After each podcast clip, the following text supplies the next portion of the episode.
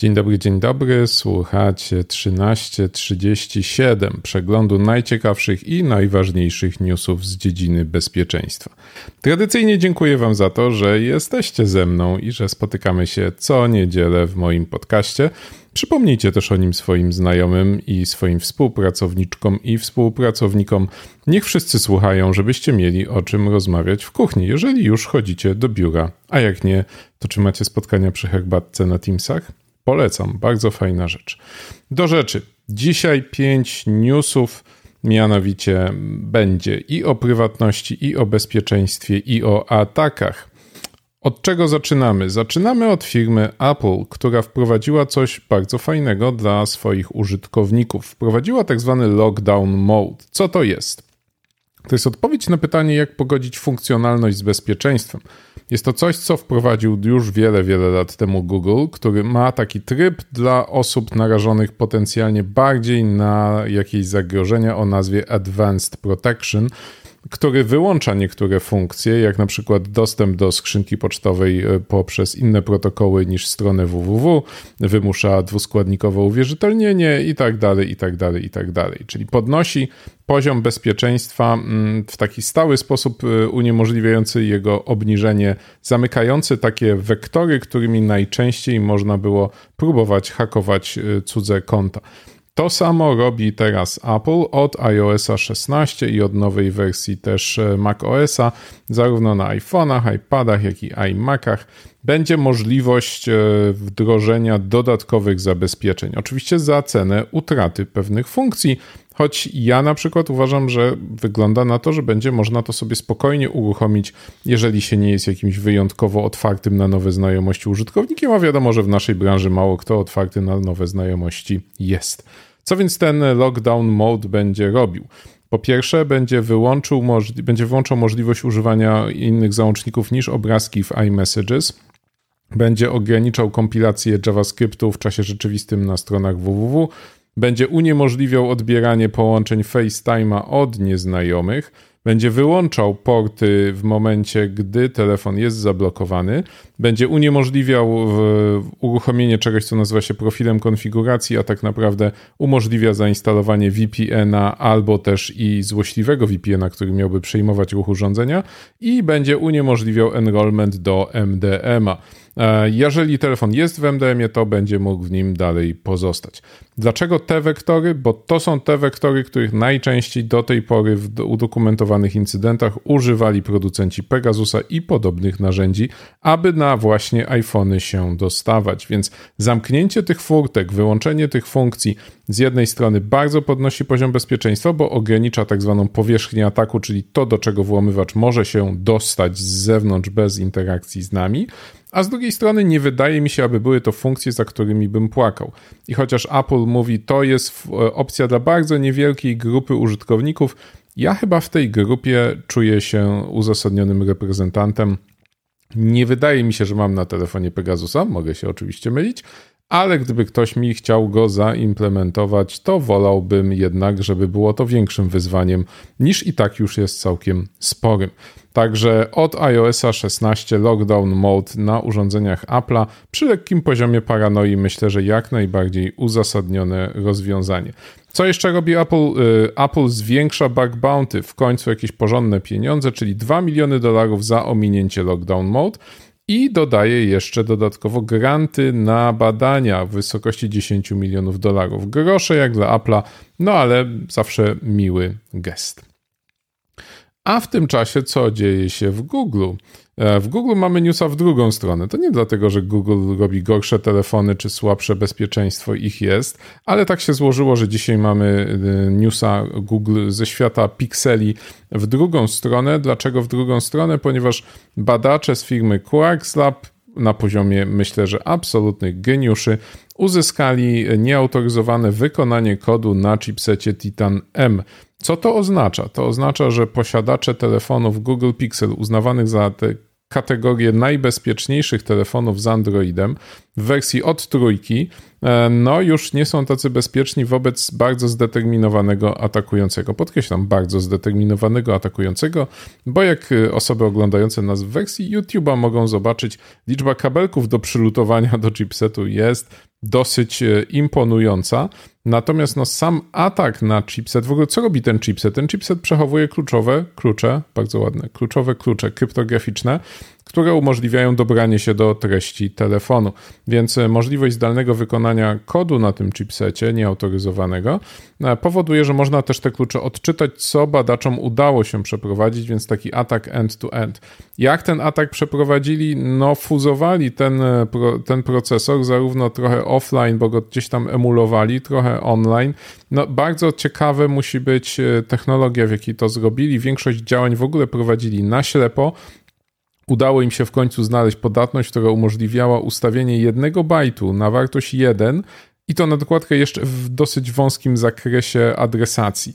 No ale mimo tego jakoś korzystając ze swojego absolutnego geniuszu, udało im się dobrać e, do, do procesora. E, no, bardzo ciekawy news. E, Google na pewno luki załata w kolejnej wersji, ale te już istniejące procesory w telefonach nie wiem, czy otrzymają aktualizację oprogramowania. Obstawiałbym, że chyba raczej nie. Ale podkreślam, bardzo zdeterminowany atakujący musi być, żeby takie sztuczki z procesorami robić. No dobrze, idziemy dalej. Trickbot napada na Ukrainę. Co w tym dziwnego? Rosyjska grupa cyberprzestępcza napada na Ukrainę. Ktoś by pomyślał, no normalny dzień jak co dzień, ale do tej pory Trickbot, zwany również Conti, czy też Wizard Spider, to ta jedna z najbardziej produktywnych grup cyberprzestępczych na świecie, nie dotykała Ukrainy, nie atakowała, nie przeprowadzała kampanii dedykowanych Ukrainie, a tymczasem okazuje się, że takie kampanie badacze IBM znaleźli, to aż 6 w ciągu ostatnich paru miesięcy. Oczywiście tradycyjnie malware w e-mailu, różne downloadery, różne kombinacje trochę nowych narzędzi, nieużywanych wcześniej, co pozwoliło na precyzyjną atrybucję ataku. Oczywiście chodzi o instalację złośliwego oprogramowania, przejmowanie kontroli nad wewnętrznymi sieciami zarówno instytucji państwowych, jak i poszczególnych um, firm ukraińskich. Więc ciekawa tendencja, Trickbot, który wydaje się być faktycznie gdzieś blisko służb rosyjskich, blisko współpracowników tych służb. E, wydaje się, że jak jest tym pierwszym namacalnym przykładem, jeżeli badania IBM się pokryją z faktami, to jest pierwszym namacalnym przykładem, gdzie faktycznie grupa cyberprzestępcza e, bardzo aktywnie wzięła udział w atakowaniu mm, Ukrainy. Oby nie więcej. Kolejny news, i to chyba jeden z najciekawszych, choć bardzo daleko od nas, bo aż w Chinach. Okazuje się, że wyciekły dane z e, agencji rządowej, która wystawiła do internetu Elasticsearcha i niewłaściwie go zabezpieczyła. Niektórzy badacze mówią, że od roku już to stało, inni to zauważyli kilka miesięcy temu, a gene, tak zwana generalna publika zauważyła to dopiero w momencie, gdy e, oferta sprzedaży tych danych pojawiła się gdzieś e, na jakimś forum dla cyberprzestępców. Jeden z portali zasugerował, że przyczyną takiego wycieku może być to, że jakiś programista rządowy pisał bloga, na którym chciał zacytować fragment kodu i w tym fragmencie kodu wystawił y, dane uwierzytelniające do e, tej właśnie bazy danych, co jest dosyć ciekawą teorią przede wszystkim, co robią dane uwierzytelniające w kodzie, a po drugie, co robi kod produkcyjny w blogu.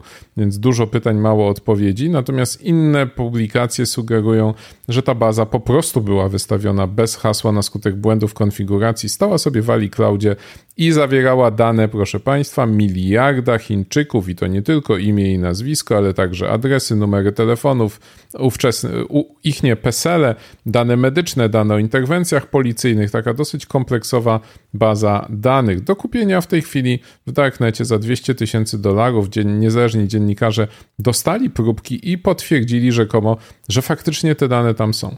No wygląda na to, że nawet chińskim programistom rządowym udaje się nieprawidłowo skonfigurować Elastika.